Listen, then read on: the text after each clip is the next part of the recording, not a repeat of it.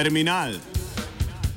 Vedno različni, nikoli isti, reš kolumnisti, isti, isti, isti, isti, isti, isti. Pred Prvo svetovno vojno v Cvajgovskem včerajšnjem svetu, ki je postal lep in dober potem, ko se je z opepelitvijo v krematoriju zgodovine preobrazil v nostalgije vrednega, so Srednjo Evropo od časa do časa povsem absorbirali posamezni slovenski problemi. Dejansko jih je bilo v primerjavi s komaj 2,4 odstotnim deležem naših ljudi v starosvetni avstro-ogrski monarhiji kar veliko.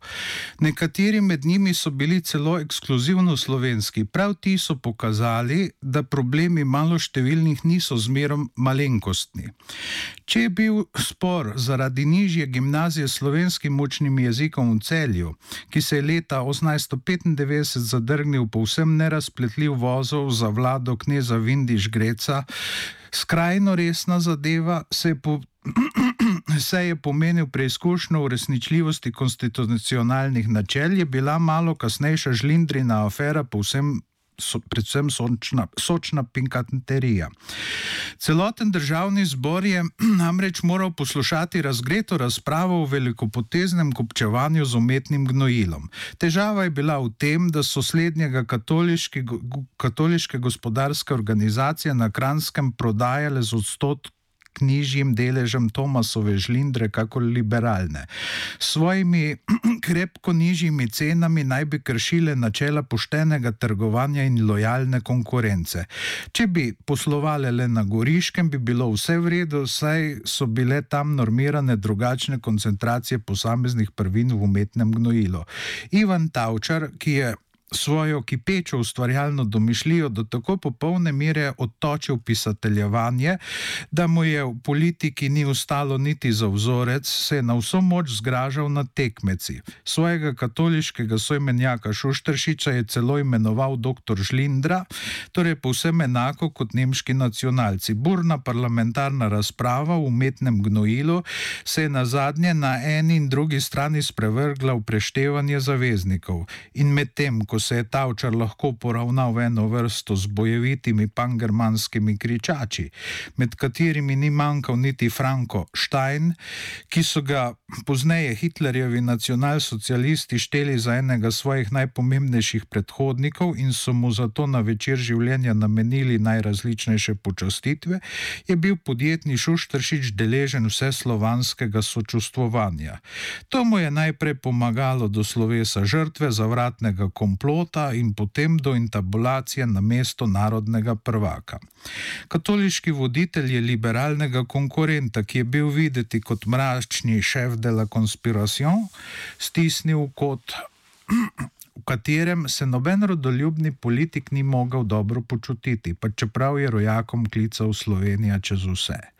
Potem, ko se je Šuštršič povzpel na položaj krajnskega deželnega glavarja in so težave z umetnim gnojilom, v katerem tedaj še noben terorist ni prepoznal sorovine za izdelovanje eksplozivnih teles, postale le malo pomembna počrtna postavka v politični likvidaturi, je neposredno pred Prvo svetovno vojno pri nas izbruhnil nov škandal. Čeprav je šlo za lokalno zadevo, je njen pomen presegel meje katerekoli stare avstrijske kronovine, pa tudi celotne monarhije. V središču zapleta se je znašel deželno-cestni zakon, ki ga je sprejelo parlamentarno zastopstvo Vojvodine Kranske, po nekakem avtomatizmu pa je bil sankcioniran tudi na najvišjem mestu.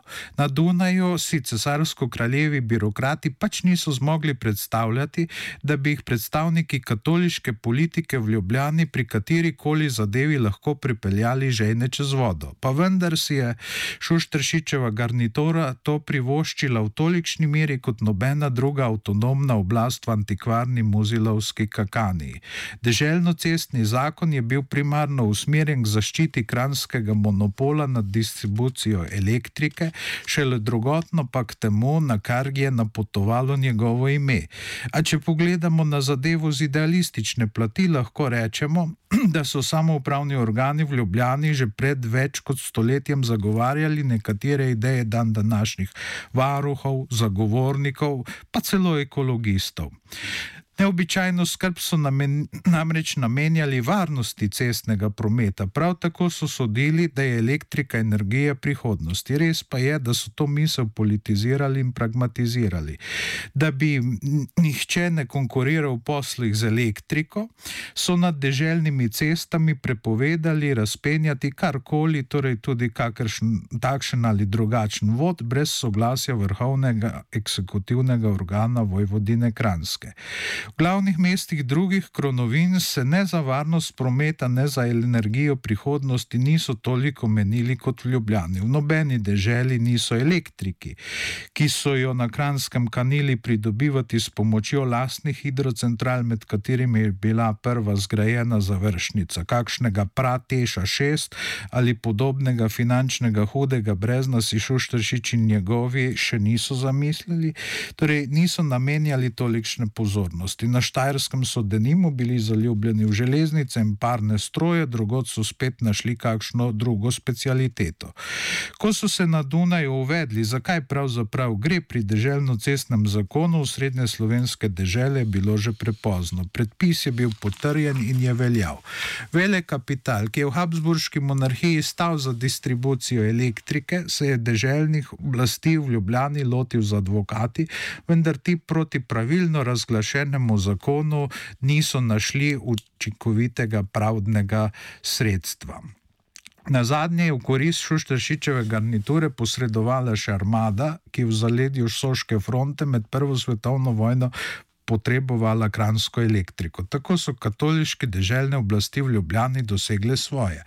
Prezrle so le to, da je mogoče električne vode speljati tudi pod zemljo. Če v doglednem času v takem primeru nihče ni prijavil motenja posesti, je napeljava lahko ostala, a tega se je spomnil le malo kdo. Zgodba o kranskem deželno-cestnem zakonu je toliko in toliko let pozneje marsikje lahko le anekdota o tem, kako so se ljudje nekoč znašli pri nas pa je vendarle nekaj več. Predvsem je neznansko resno svarilo. Oblastniki v različne področne zakone in predpise vtihotapljajo določbe, katerih namen nima prave zveze z njihovo nominalno materijo. Z dovolj spretno napisano sanitarno ali ekološko uredbo je mogoče pohoditi tekmece v prenekateri panogi. Nikakor ne gre le za to, da so pri nas najrazličnejši pozivi in razpisi, ukrojeni po meri točno določenih kupčevalcev in izdelovalcev, temveč da so v korist cvetnega izbora enih in oškodovanja vseh drugih napisani tudi zakoni. Vrhunec spretnosti, pa tudi legislaturne varnosti pri delu je urejanje stvari na določenem področju z drugo materijo zadevajočimi predpisi. Bar si kateri stranki, ki ugotovi svojo protiustavno prikrajšanost, je potem skrajno težko izkazati za začetek nekaterih procesov neugibno potrebni pravni interes. Da seveda ne poudarjamo še zmede, ki se ustvari pri navskrižju določb različnih predpisov iste ravni. Potem, ko so se naši predniki pri krajnskem deželno-cestnem zakonu prvič zares znašli, so pač dobili veselje s to vrstnimi bližnicami do uspeha. Tu se je začela tista pot, ki je ne glede na sisteme, ne glede na režim, time utrjevala predstavo, da je kršitev takšnih ali drugačnih temeljnih, bodi si moralnih, bodi si ustavnih načel, nepomembna, če doleti vse. To seveda ne drži, kajti nobena takšna stvar ni v prid sleherniku, temveč le izbrancev. Kršitev res, da doleti vse, a korist vedno najde le tistega, ki mu je namenjena. Terminal je pripravil Igor Grdina.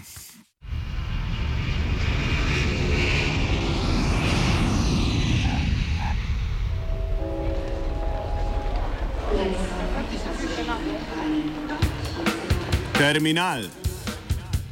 Vedno različni, nikoli isti, reš kolumnisti, isti, isti, isti, isti, isti, isti. isti.